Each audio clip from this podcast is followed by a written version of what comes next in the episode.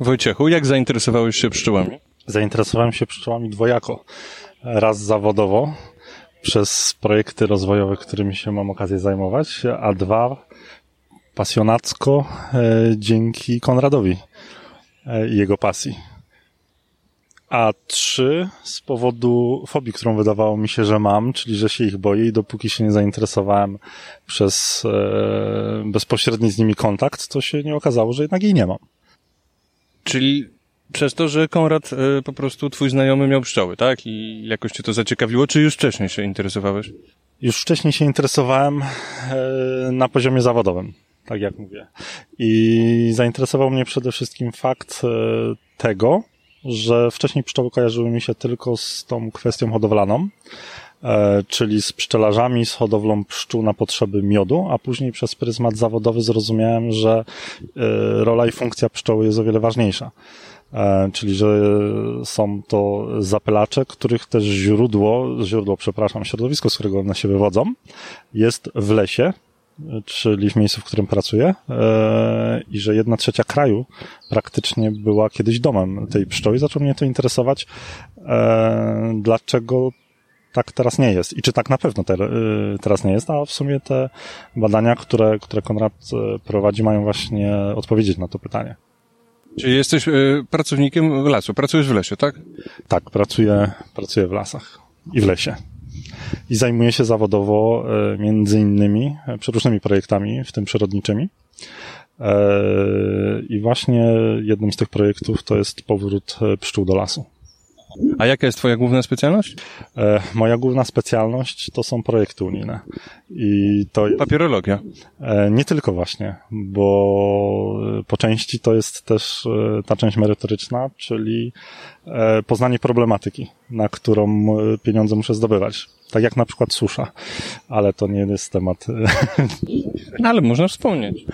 E, można wspomnieć dlatego, że susza jest związana z retencją, e, a obiekty retencyjne, które robimy, po części mają spełniać też funkcje przyrodnicze i głównie. A małe wypłycenia, które są dla płazów, e, i gadów, które projektujemy w tych zbiornikach, myślę, że też dla pszczołowatych mają znaczenie i są źródłem wody właśnie w lesie, dla tych pszczół, które, które w lesie są. I z tej twojej pasji, jak rozumiem, pomagasz e, Konradowi Zarębie w Fundacji Pro Nature, tak? Tak, a raczej można powiedzieć, że się przyuczam e, i poszerzam swoją, e, swoją wiedzę, no i swoje zainteresowania dzięki temu.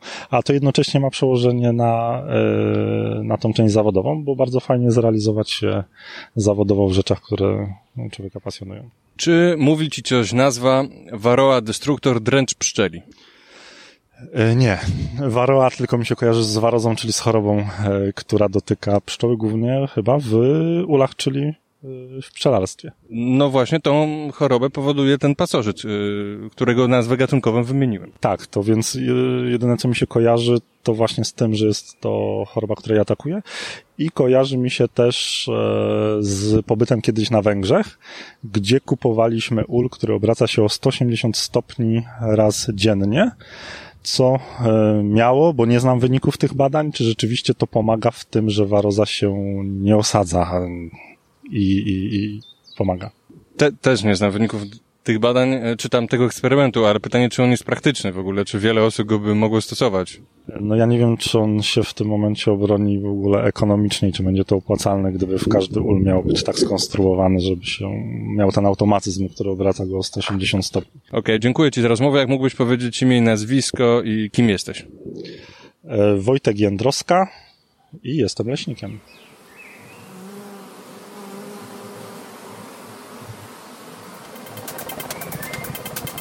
Dziękuję za wysłuchanie tego odcinka.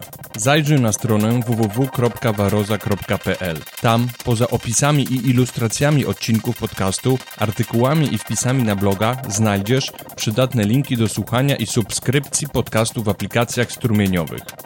Jeżeli spodobał się Tobie ten odcinek, to proszę, wystaw pozytywną opinię i komentarz. Polub, daj łapkę w górę czy suba, a nawet udostępnij go w mediach społecznościowych. Dzięki temu dowiedzą się o nim inni, ale mi też dasz większą motywację, aby podcast trwał i rozwijał się dalej. W podziękowaniu możesz postawić mi dobrą kawę, piwo lub czekoladę. Jeżeli podoba się Tobie ten podcast generalnie i chcesz przyczynić się do jego regularnego rozwoju, możesz wspierać mnie comiesięczną małą wpłatą, na przykład przez portal Patronite, ale nie tylko. Jeżeli nie chcesz być wymieniona lub wymieniony w podziękowaniu, to zaznacz opcję anonimowo. Linki do konta wpłat oraz wsparcia znajdują się po prawej na stronie www.waroza.pl. Tak czy owak, podcast zawsze dla wszystkich pozostanie darmowy. Wkrótce następny odcinek. Radio Barroza.